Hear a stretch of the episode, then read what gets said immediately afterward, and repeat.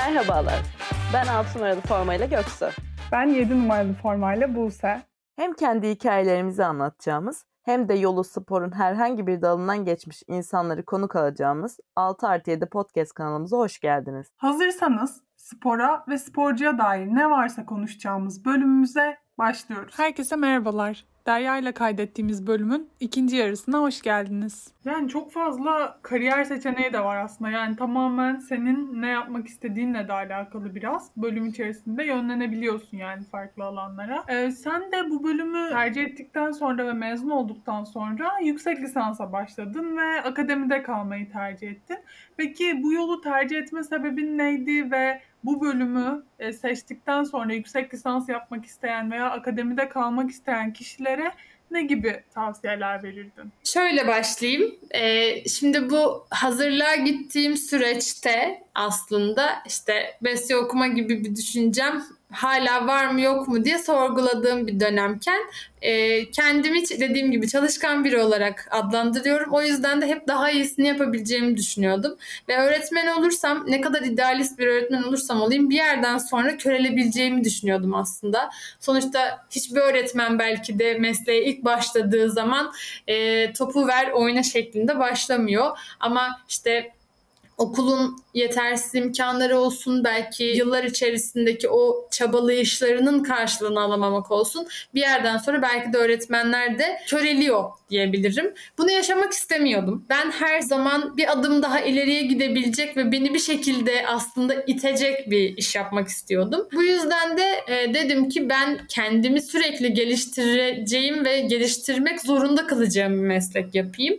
Bir de madem e, çalışkan biriyim o zaman daha iyi, daha potansiyelimi kullanabileceğim bir işe yönelebilirim. Bu süreçte nasıl seçtim? Aslında şöyle, hazırlık bittikten sonra e, işte birinci sınıfa başladım ve gerçekten de hala e, saygıyla, sevgiyle anıyorum hocamı. Bana ÖYP diye bir program olduğundan söz etti. Herhalde akademisyen olmak istediğimi söyledim, onu hatırlamıyorum.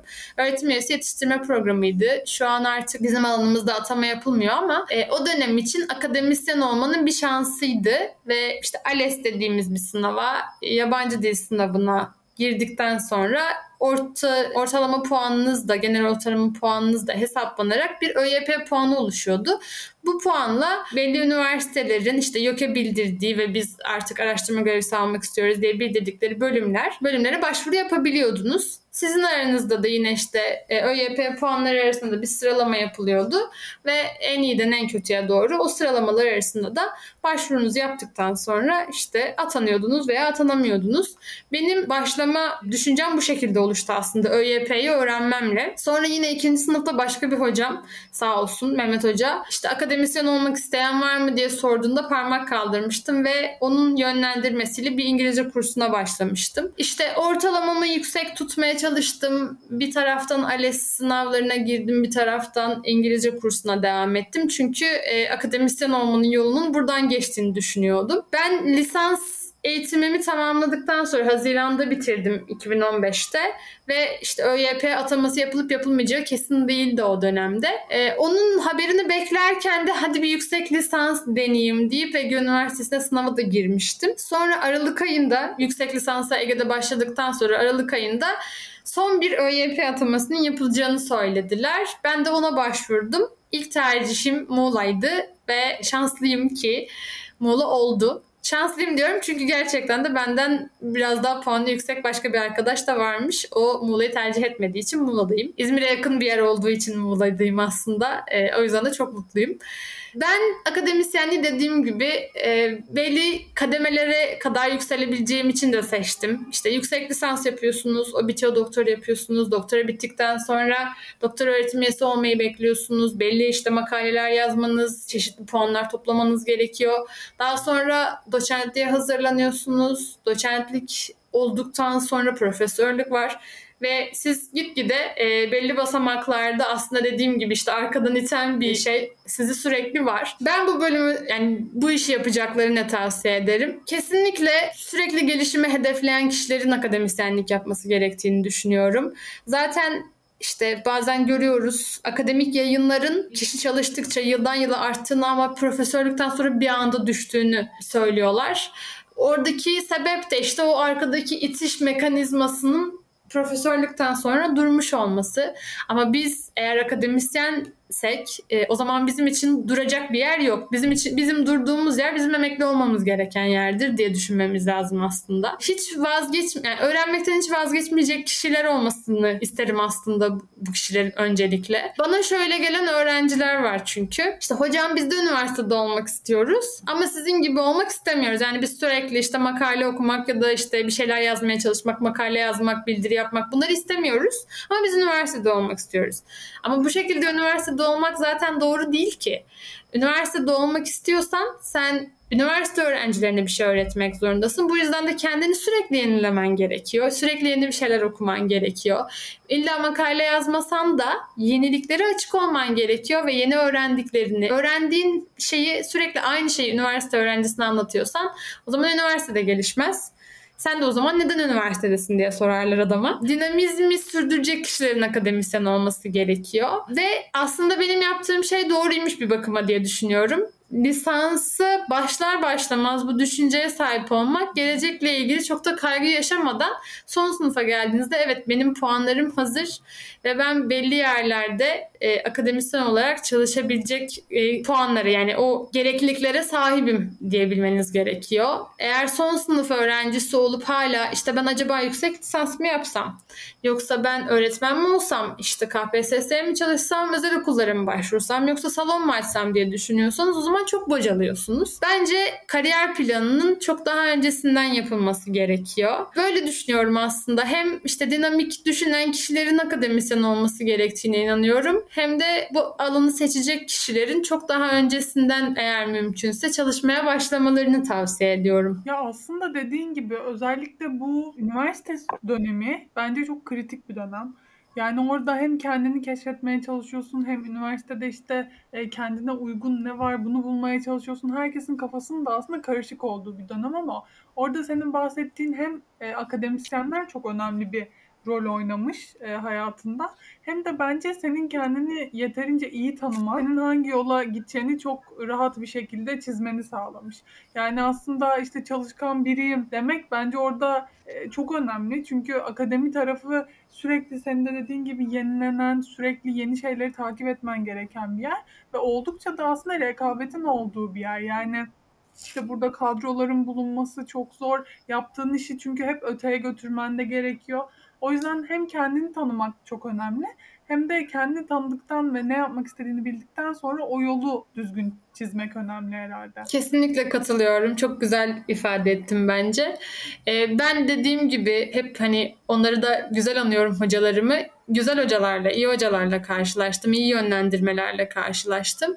Ee, bu sayede de aslında çok büyük sıkıntılar yaşamadan e, ÖYP sayesinde atanabildim. Ama şunu belki dinleyenler diyecektir. Yani ne kadar yüksek puanınız da olsa işte İngilizceden ALES'ten çok iyi alın. Orta, ortalama puanınız çok yüksek olsun lisansı bitirme puanınız. Yine de siz herhangi bir yüksek lisans programına yerleşemeyebilirsiniz ya da yüksek lisans programına yerleşseniz de işte belli bir üniversitede kadro bulmanız çok zor olabilir. Bu konuda diyeceğim maalesef çok bir şey yok. Ee, ÖYP zamanında atanabildim çünkü beni kimse tanımazken yaptığım bir başvuruyla Muğla'ya geldim. Ama Muğla'da beni hiç kimse tanımıyorken acaba buraya kadroya girebilir miydim? Bu büyük bir soru. Bu büyük bir problem e, şu anki lisans öğrencileri için de. Çünkü ne yazık ki kesin bir şey söylemek mümkün değil. Siz ALES'ten isterseniz 100 alın. Sınavda e, yani ilk sırada olun. O mülakatta elenebiliyorsunuz. O konuda diyebileceğim çok fazla şey yok. İnşallah bu da değişir. Sadece yani yüksek puanlı olan kişilerin, mülakatlarda iyi puan alan kişilerin e, akademik olarak istekli olan kişilerin önleri açılır tıkanmaz, engellenmez ve gelişim için onların da bunu yapmaya motive halleri kalır aslında. Evet buradan da eğer ki artık araştırmak istemeyen e, kendisi profesör olan ve kafa olarak emekli olmuş hocalarımıza diyelim ki gençlerimizi araştırmak isteyenlere ve bu yolda yürümek hiç durmadan çalışmak isteyenlere bir yol versinler, yol açsınlar. Çünkü birazcık da aslında bence burada bitiyor. Bizim genel bir böyle sıkıntımız var. Akademisyenler gerçekten yeni nesle hem ayak uydurmayıp hem de yerlerini yeni nesle bırakmıyorlar çünkü. Bunun sıkıntısını zaten çoğu yerde yaşıyoruz ama özellikle bu eğitim alanında bunların değişmesi gerektiğini düşünüyorum ben. Sen de çok fazla gerçekten çok güzel şekilde açıkladın. Yani bu kadar şeyin içinde hiç böyle yeter hani artık ben devam etmeyeceğim, pes ediyorum dediğin bir an oldu mu? Evet çok çok çok çok fazla oldu. Binlerce kez düşündüm hem de. Yani akademinin zorluğundan da kaynaklanıyor. Bu biraz benden de kaynaklanıyor. Bunun da farkındayım. Çünkü ben gerçekten hiçbir şeyi beğenmeyip kendime çokça yüklenen biriyim. İlk ya bence trajikomik biraz. İlk atandığım haberini aldım internetten. Gördüm, kazandım ve ablamı arayıp şey dediğimi hatırlıyorum. Abla ben şimdi ne yapacağım? Hiçbir şey bilmiyorum.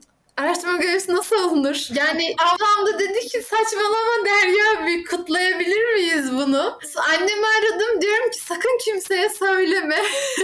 yani sanki saklanması gereken bir şeymiş gibi. Yani e, dediğim gibi biraz benden de kaynaklı. Sonra işte Muğla diye yani İzmir'de yaşayıp Muğla diye bir yer olduğunu bilmeyen yani Muğla'ya hiç gelmemiş bir insandım. Gerçekten de Muğla'ya ayak basmamıştım Muğla'ya atanmadan önce.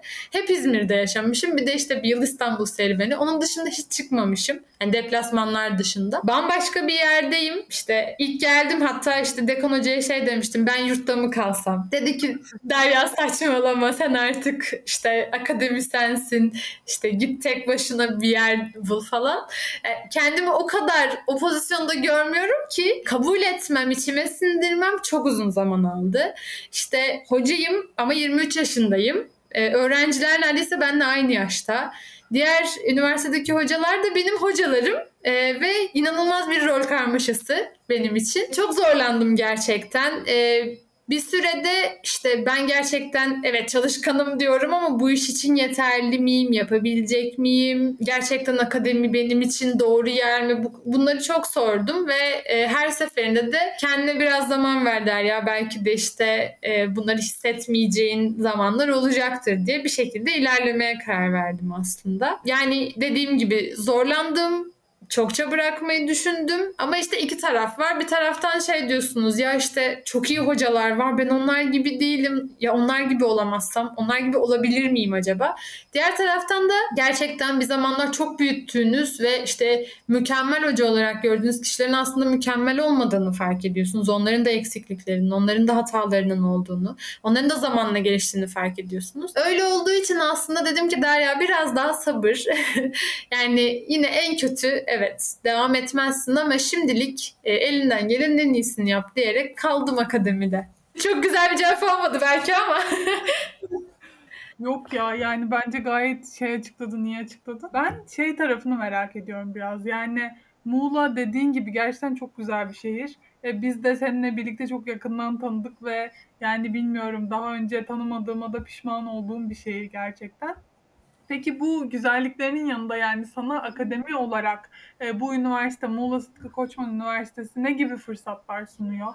Yani özellikle akademi boyunca sen birçok farklı projede yer aldın. İşte yurt dışı projelerine gittin. E, bu tecrübelerden bize biraz bahsedebilir misin? Tamam. Şimdi üniversitenin doğrudan bir fırsat sunmasından ziyade ben e, yine hocalar aracılığıyla bana sağlanan birkaç fırsattan bahsetmek istiyorum.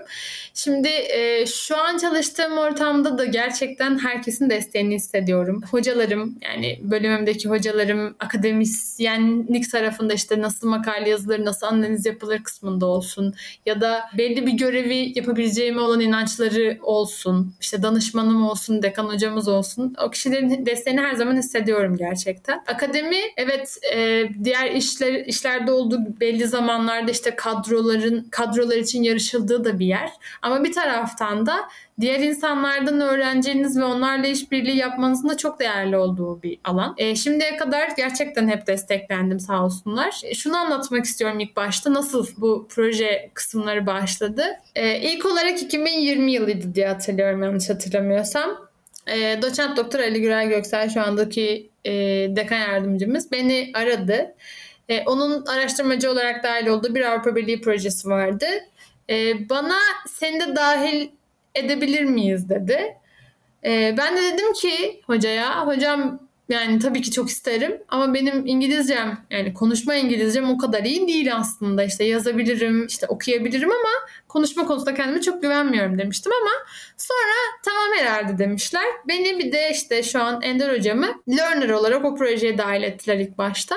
İşte birkaç iş yaptık e, o proje için işte araştırma vesaire gibi. Sonra 2021 yılında 26-28 Ocak'ta İzlanda'da bir e, toplantı vardı. Ondan öncesinde Ender Hocam Danimarka'ya gitmişti. Döndüğünde de bana dedi ki Danimarka'ya ben gittim İzlanda'ya sen git. Diyorum ki ben yani nasıl yapayım? Bir de ders anlatacaksın diyor. Yani ilk defa yurt dışına çıkacağım ve bir projede 30-40 yıllık antrenörleri gidip bir de ders anlatacağım. Çok mantıklı gelmiyordu bana aslında ama bir taraf bir şey çok gerildiğim bir konuydu. Evet ama bir şekilde işte bir sunum falan hazırladım. Sonra işte ilk yurt dışı deneyimim Ocak ayında İzlanda'ya gidişimli oldu. Reykjavik Üniversitesi'nde. Oradaki antrenörleri antrenörlük pedagojisi başlıklı bir sunum yaptım. Sonra e, İspanya'nın işte Bilbao şehrine e, Malta'ya, Slovenya'ya, yine İspanya'nın Alicante ve Malaga şehirlerine proje toplantılarına katıldım. Bunlar işte bu projenin kapsamında olan şeyler de vardı. Farklı projelerde de yer aldım. Sadece işte katılımcı olarak da orada bulunduğum projeler oldu. Sunum yaptığım projeler de oldu. Bunlar proje şehirleriydi. Bu toplantılardan ziyade arda kalan zamanlarda başka ülkeleri ve şehirleri gezme fırsatımız da oldu arkadaşlarımla birlikte. E, bu seyahatler gerçekten hayatımın en güzel zamanlarını oluşturdu aslında. Projeler hem akademik anlamda gelişmemizi sağladı hem işte diğer akademisyenlerle tanışmamızı sağladı hem de yaptığımız harcamalar daha sonra proje bütçesinden karşılandı. O yüzden müthiş deneyimlerdi aslında. Ee, bunun yanı sıra işte bu hep diyorum ya danışmanım, dekan hocam, işte diğer hocalarımızın desteği vesaire. Bu Avrupa Birliği projeleri belki bir kapı daha açtı bana. Bu sene yaşadığım diğer bir deneyimden bahsetmek istiyorum. Yanlış hatırlamıyorsam Mart ayında Türkiye Milli Olimpiyat Komitesi'nden üniversitelere bir yazı gönderildi. Gelen yazıda da 63. Genç Olimpik Elçiler Toplantısının Yunanistan'da düzenleneceği bilgisi verildi. Fakültemizden de bu toplantıya katılacak bir araştırma görevlisi veya bir yüksek ya da doktor öğrencisinin önerilmesi istendi. Dediğim gibi bu yazı muhtemelen diğer üniversitelere de gitti ve diğer üniversitelerden de yine bizde olduğu gibi birinin önerilmesi istendi. Ee, benim danışmanım Fatma Hocam görmüş yazıyı. Aynı zamanda bölüm başkanımız. Bu yazıya cevap e, olarak işte beni önerebileceklerini düşünmüş. Dekan hocamıza da sormuş. O da e, uygun bulmuş. Daha sonra bana dediler ki işte e, seni önereceğiz. Tamam dedim ama hiç seçilmeyi beklemiyordum aslında. Daha sonra işte benden bir CV hazırlamamı bir de İngilizce belgemi oraya göndermek üzere hazırlamamı istediler. Daha sonra işte bu iki belge Türkiye Milli Olimpiyat Komitesi'ne gönderildi. Bir süre sonra bir telefon aldım ve pro- bu programı Türkiye'yi temsilen gönderileceğimi öğrendim. Bu süreçte komiteyle de sürekli iletişim halinde bulundum aslında. Programa seçilmeden önce her ülke temsilcisinden programa e, dair programda öğrendiklerini işte ülkelerine döndüklerinde yaygınlaştırmalar için bir girişim planı hazırlamaları istendi. Ben de program boyunca gerçekleştirilecek etkinlikleri sosyal medya hesabından paylaşacağımı söyledim. Birincisi buydu. İkincisi de işte Buse sayesinde. Dedim ki e, bunu yaygınlaştırmak için bir podcast programında etkinliklerden bahsedebilirim. Üçüncüsü de yine üniversite üniversitede çalışıyorum sonuçta. Oradaki öğrencileri, ileride gitme potansiyeli olan kişilere yine bu programdan bahsedebileceğimi düşünmüştüm. Seçilmemin sebebi belki de e, bu Avrupa Birliği projeleriydi aslında. Çünkü e, Avrupa Birliği projeleri hem sizin dışı deneyiminiz olduğu hem de İngilizcenizin e, akıcı olduğunu gösteren aslında göstergelerden biri diyebilirim. Belki de böyle seçildim diye düşünüyorum aslında. Bu girişim planı da e, kabul edildikten sonra eğitim süreciyle ilgili biraz araştırma yaptım. Programın 63. katılımcısıyım aslında. Ama adı 2022 yılında değişmiş ve benden önce giden bir hocamız vardı Yılmaz Hocam. E, o da Akdeniz Üniversitesi'nde çalışıyor. Onun haberlerini buldum. Program hakkında başka hiçbir şey öğrenemediğim için de e, Yılmaz Hoca ile iletişime geçtim. O da bana sağ olsun yine bütün süreçle ilgili bilgi verdi. Bu yıl Türkiye Milli Olimpiyat Komitesi'nin temsilcisi olarak e, Yunanistan'a gittim. Türkiye Milli Olimpiyat Komitesi temsilcisi olarak sizin programa katılım ücretiniz, uçak biletleriniz, yurt dışı çıkış harcınız, eğer gerekiyorsa vize ücretleriniz karşılanıyor komite tarafından ve size bir miktarda harcırah yatırılıyor. Ben Yunanistan'a gitmeden önce bir proje için yurt dışına çıktığımdan gri pasaportum vardı. Bu yüzden vizeye ihtiyaç duymadım. Sonra komite size orada giymeniz ve hediye etmeniz için de hem komitenin tişörtlerinden hem de rozetlerinden hediye gönderiyor. Hatta bana 3 tane de nazar boncuğu göndermişlerdi. Yunanistan'a gidiş dönüş tarihlerinizi bildiriyorsunuz. Havaalanında sizi karşılıyorlar ve otel aktarmalarınız hem gidiş hem dönüşte e, ev sahibi ekip tarafından ayarlanıyor. Ben 10 Haziran 2022'de Atina Havaalanı'na indim ve o zamana kadar ilk defa uçağa bile tek başıma binmiştim gerçekten. Orada Uluslararası Olimpik Akademi logosuyla karşılandım. Diğer ülke katılımcılarıyla orada tanışmaya başladım. Daha sonra otele geçtik. Her kişi otelde başka bir ülke temsilcisiyle eşleştirilmişti ve iki kişilik odalarda konakladık. Daha sonra işte Atina'da olduğumuz için otelden dört farklı otobüsle ayrıldık. Yani bir WhatsApp grubu kurmuşlardı. 152 kişi vardı içinde. Muhtemelen bütün katılımcılar, işte koordinatörler, ev sahibi ekip grupta vardı.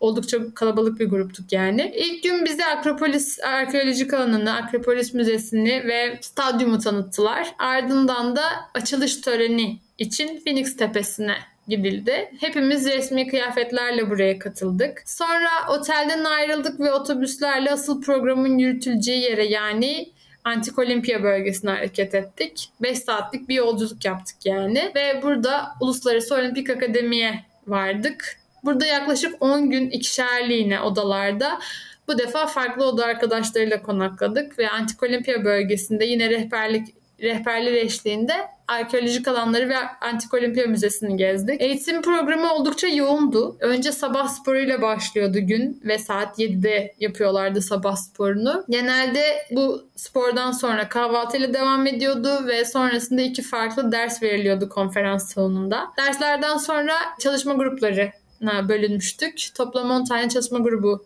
e, oluşturulmuştu. Bu gruplarda tartışmalar yapılıyordu. Daha sonra öğlen yemeği ardından sanatsal aktivitelere geçiş yapılıyordu. Sanatsal aktivitelerde işte dans veya resimden herhangi birisi seçilmesi istenmişti. İsteyen kişi dans grubunda, isteyen kişi işte resim grubunda çalışmalar yapıyordu. Sonra o bittikten sonra tekrar çalışma gruplarına dönüyorduk. Orada tekrar tartışmalar yapıyorduk. O bittikten sonra e, spor aktivitelerine katılıyorduk. Bizden bir e, takım sporu bir de bireysel spor seçmemiz istenmişti. Buna göre yine yarışmalar düzenlendi. Sonra akşam yemeği yapılıyordu ve o bittikten sonra da sosyal gecelere katılıyorduk. Sosyal gece dediğim şey de işte her ülke katılımcısının ülkesini tanıtmak için gerçekleştirdiği belli bir sunum, dans vesaire. Şey diyebilirim işte geleneksel kıyafetlerin getirildiği, işte yiyeceklerin getirildiği, ülkeyle ilgili bazı sunumların yapıldığı gecelerdi bunlar. Biz bu yıl e, daha iyi bir dünya inşa etmek için yenilikçi beden eğitimi, olimpik değerler eğitimi olarak adlandırılan bir tema üstünde çalıştık. Özel temasında da beden eğitimi ve olimpik değerler eğitimi yoluyla olimpik hareketin genç nesillerle ilişkisinin korunması yani olimpik harekette yenilenme ve gençleşme olarak belirlenen bir konu üstünde çalışıldı. Toplantı boyunca bize 10 farklı ders ve bu derslerden sonra da iki farklı çalıştay gerçekleştirildi. Tüm bu derslerde olimpik değerlerin spor ve beden eğitimi yoluyla nasıl yaygınlaştırılacağı, yayılacağı, beden eğitimi ve olimpik değerlerin eğitimi, daha güçlü bir gelecek inşa etmek için olimpik değerlerin değerler eğitim programının rolü, bir sosyal katılım aracı olarak spor gibi konular üstünde duruldu. Bu süreçte anlatılan her dersten sonra bir soru cevap bölümü yapıldı. Katılımcılar yapılan sunumlara ilişkin sorular sordu. Derslerden sonra da dediğim gibi bu çalışma gruplarına ayrıldık. Bu gruplarda olimpik eğitim, olimpik hareket, olimpik değerlerle ilgili sorular sormamızı istediler. Ve bu sorulara belli cevaplar e, vermeye çalışıyorduk. Bu çalışma gruplarında biz e, üçer kez toplandık e, her bir çalışma grubu için ve ikişer tane soru belirledik ve iki döngü halinde gerçekleştirdik çalışma gruplarını ve bu sorulara yönelik çözüm önerilerimizi de birer sayfalık bir rapor haline getirdik raporlara uygun PowerPoint sunumları hazırladık ve birer grup sözcüsü tarafından bu sorular ve sorulara verilen cevaplar e, sunuldu. Bunlar da yine işte tüm katılımcıların bir arada olduğu toplantılar şeklinde yapıldı. Neler sorduk? E, olimpik hareketin amacı nedir? e, sorusunu sorduk. Olimpik harekette özellikle yaşlanan nüfus olmak üzere tüm yaş gruplarının insanların nasıl dahil edilebileceğini sorduk. Çocukları fiziksel aktiviteye katılmaya nasıl teşvik edebileceğimizi bir de Uluslararası Olimpik Olimpiyat Komitesi'nin sporda cinsiyet eşitliğini ne ölçüde etkileyebileceğini konuştuk aslında. Yapılan tüm çalışmalar, yapılan tüm etkinlikler, işte sanatsal faaliyetler, dans olsun, müzik olsun, resim olsun, e, şiir yazmak olsun ya da sorulan bütün sorular olsun. Bütün hepsi olimpik hareket ve olimpik değerlerle ilgiliydi. Bizden yaptığımız bütün aktivitelerde bununla alakalı düşünmemiz istendi. Ben de e, orada elimden geldiğince ülkemi iyi temsil etmeye çalışarak bu konular hakkında işte ülkemizde var olan örneklerden bahsetmeye çalıştım. İşte sportif aktivitelere, sanatsal aktivitelere katıldım. Her gün gerçekleştirdiğimiz bu etkinlikleri de en son artık program bitmesi program bitmesinden önceki gün e, herkesin sergileyeceği bir gece düzenlendi. Ben çok sevdiğim için e, voleybolu seçtim ve takımım da şampiyon oldu. Bunu da size söylemek istiyorum. Oh, Evet. Tebrikler. Teşekkür ederim. Sonra olimpik meşale taşıma günü yapıldı. O meşalede de işte gruplara ayrıldık. Bir kişi meşaleyi, dört kişi bayrağı taşıyordu. Ben bayrak taşıyan e, taraftaydım. İşte 16 Haziran günü aslında o gün değil ama işte olimpik gün için olimpik gün kutlamaları yapıldı. Bir buçuk ve 4 kilometrelik işte koşular düzenlendi. 4 kilometre koştum. Yani çok koştum sayılmaz arada bir yürümüş olabilirim ama çaktırmıyorum. Sonuçta bitirdiğimizde hepimize olimpiyat madalyası verdiler. Küçük. Sonra yine on- 19 Haziran'da atletizm pisti vardı e, akademide. Orada da çeşitli yarışmalar düzenlendi. Yani aslında bütün program tüm etkinliklerle işte olimpiyatın faster, higher, stronger together düşüncesini yaygınlaştırmak üstüne kuruluydu diyebilirim. Gerçekten nerede olduğunu bile bilmediğim bir sürü ülke vatandaşıyla tanışmak müthiş bir deneyimdi benim için. Burada da anlatabildiğim için çok mutluyum bunu aslında. Bir günde plaja götürdüler bizi bu arada. Ben çok yabancılık çekmedim Yunanistan'da olduğum için. Benim için o yüzden de güzeldi aslında bakarsanız. Ne coğrafya olarak ne yiyecek içecek olarak bir benim için yeni bir yer gibi değildi aslında. Sadece İngilizce konuşmak zorundaydım herkesle. O biraz farklıydı. Gerçekten unutulmaz hatıralarla dolu bir deneyimdi. Artık 63. Genç Olimpik Elçi ünvanını aldım ve gerçekten de oraya gittikten sonra e, döndüğümde belki de hayatımda ilk defa 30 yaşındayım aferin Derya dediğimi hatırlıyorum. İlk defa bir şeyi başarmış gibi hissettim. Ve bundan sonra da elimden geldiğince bu değerlerin yaygınlaştırılması amacıyla da çalışmak istiyorum aslında. Bundan sonra da yani burada bunu anlatmak isteme sebebim de şu. Gelecekte bu programa katılmayı düşünen biri olursa ve benim burada veremediğim detaylara sahip olmak isterse bu kişi kesinlikle benimle iletişime geçebilir. Seve seve bütün süreci anlatabilirim aslında. Çok farklı bir his çünkü dünyanın neredeyse her yerinde bir tanıdığım var artık. Bir arkadaşım var diyebilirim. O yüzden çok güzel bir duygu. Umarım herkes tadar bir gün diyerek sonlandırıyorum bu hikayeyi. Yani şu an bahsettiğin her şey hani o kadar gerçekten Olimpiyat Milli Olimpiyat Komitesi'nin bir şeyiydi değil mi? Doğru mu? Evet, Türkiye Milli Olimpiyat Komitesi'nin temsilen ve Evet. Türkiye'yi temsilen gittin. Senin haricinde bir Türk var mıydı yanında? Hayır. Yani bu İnanılmaz. bilmiyorum buna ötesi yok herhalde. Artık gerçekten bulunduğun konumda olabileceğin en üstünde gibi bir durum. Bilmiyorum bence inanılmaz hem gurur duyulan bir şey. Kendine hani aferin bir şeyi başardın da sen mükemmelsin demelisin yani. yani bu az kalır yanında. Teşekkür ederim. De- Yani bu yıl giden kişi bendim ama bundan sonra da illaki birileri gidecek. Hatta yani ben komiteye döndüğümde yani giden kişilerin komiteye döndüğünde bir rapor yazması gerekiyordu. Detaylı bir rapor hazırladım. Geçen yıl Yılmaz Hocam da hazırlamıştı. Onu da e, göndermişti zaten. Oradan da bakmıştım biraz hani neler olduğuna. Ben tek kişi gittim. Ama bundan sonra inşallah orada sunum yapan hocalardan biri de işte Türkiye'den gider bizi temsilen. Ee, bir de orada e, olimpik sporcular da bir sunum yaptı derslerin haricinde ve gerçekten en etkileyici sunumlar onların da diyebilirim. Bütün salon gerçekten e, en çok ondan etkilendik. Aslında kendi aramızda konuşurken de şimdiye kadar hani bütün dersleri bir tarafa bırakıyoruz. Gerçekten de herkesin tüylerini diken diken eden şeyler e, onların anlattıklarıydı.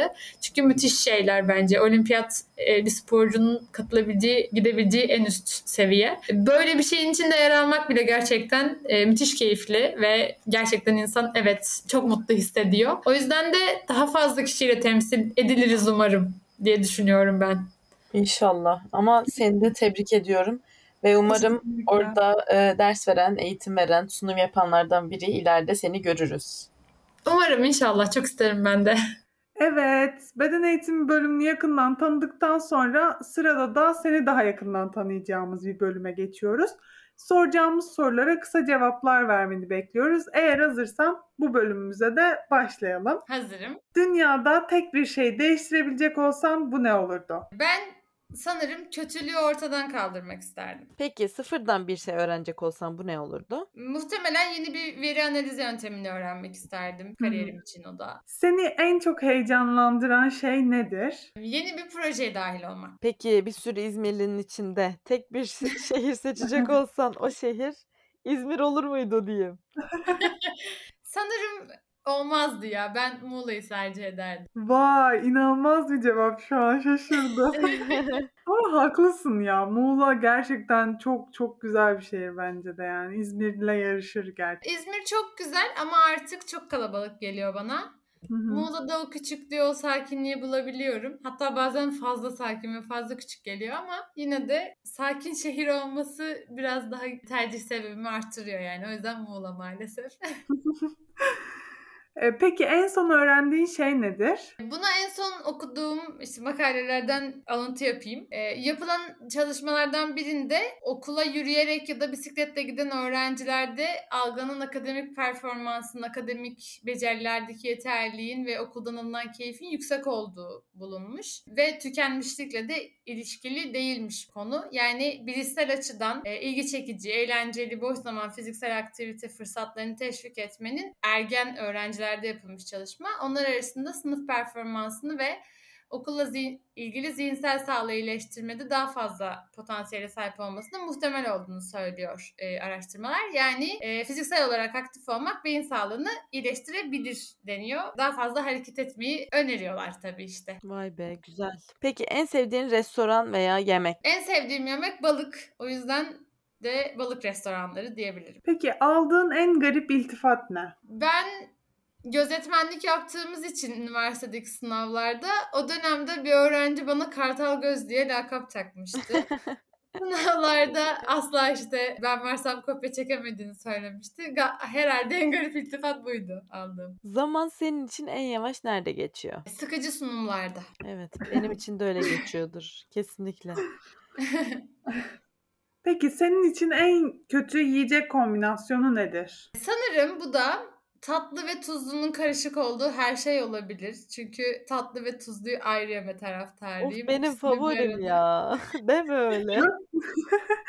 Göksu ama ne kadar çok insan bunu söyledi farkında mısın? Evet. Hani Ya arkadaşlar bir kere çikolata çubuk kraker beraber yiyin. Aa. Öyle zaten güzel olmuyorsa bu üretilmezdi. Bu var yani. Ya da şey de gerçi o çok tuzlu değil. O sayılmıyor tamam. Ama mesela peynirle Nutella, çikolata falan yiyorlar ya ona ben de karşıyım yani. O hoş değil pek. biraz abartı evet ya. Bence de. Peki duymayan en sevdiğin kelime ne? Üzgünüm ama zayıflamışsın. yani üzgünüm ama kısmını çıkartın. Sadece zayıflamışsın. Hani bunu söylediğim için üzgünüm. Tamam. Ve son sorumuzda yüzünü her zaman gülümseten şey nedir? Podcast'i bu dönemde çektiğimiz için çok mutluyum. Çünkü bu soruya verebileceğim çok güzel bir yanıt var. Artık yeğenim Ateş. Bir aylık bir yeğenim var ve gerçekten durup durup fotoğraflarına bakıyorum. Galiba yüzümü her zaman gülümseten şey o. Ay çok güzel Kesinlikle cevap. öyle olacak ya.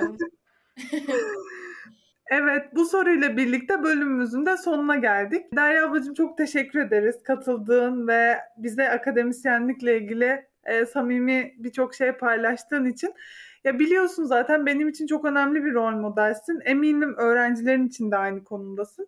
O yüzden seni bu kanalda görmek çok güzeldi. Çok teşekkür ederiz. Ben de çok teşekkür ederim beni davet ettiğiniz için. Gerçekten çok güzel geçti. Ee, çok keyif aldım bu sohbetten. Ben senin için e, rol model olabilirim ama inan ki sen de öylesin. Birbirimizi övme seansı. Aynen. Yani yaptığınız, şu anda yaptığınız iş bence çok güzel. Sürekli kendinizi geliştiren iki insansınız. Bu herkese ilham verir bence. O yüzden herkes sizi dinlesin ve bir şeyler öğrensin. Sizi izlesin ve herkese ilham olmaya devam edin isterim ben de. Çok mutluyum burada olduğum için. Teşekkür ederim tekrar. Sen de bize çok Aynen. büyük destek oldun burada olarak ve gerçekten Evet. yaptığın iş yani böyle aşağıda görülecek bir iş asla değil. O yüzden çok çok daha iyi yerlerde olmayı hak ediyorsun. Çok daha bilinir olmayı hak ediyorsun. Sen ve senin gibi bu tarz işlerde bulunan insanlar diyeyim. İnşallah çok daha güzel yerlerde görürüz, duyarız. Evet. Çok teşekkür ederim. Umarım hepimizi. Bu hafta da bizi dinlediğiniz için teşekkür ederiz. Haftaya görüşmek dileğiyle. Kendinize iyi bakın. Hoşçakalın.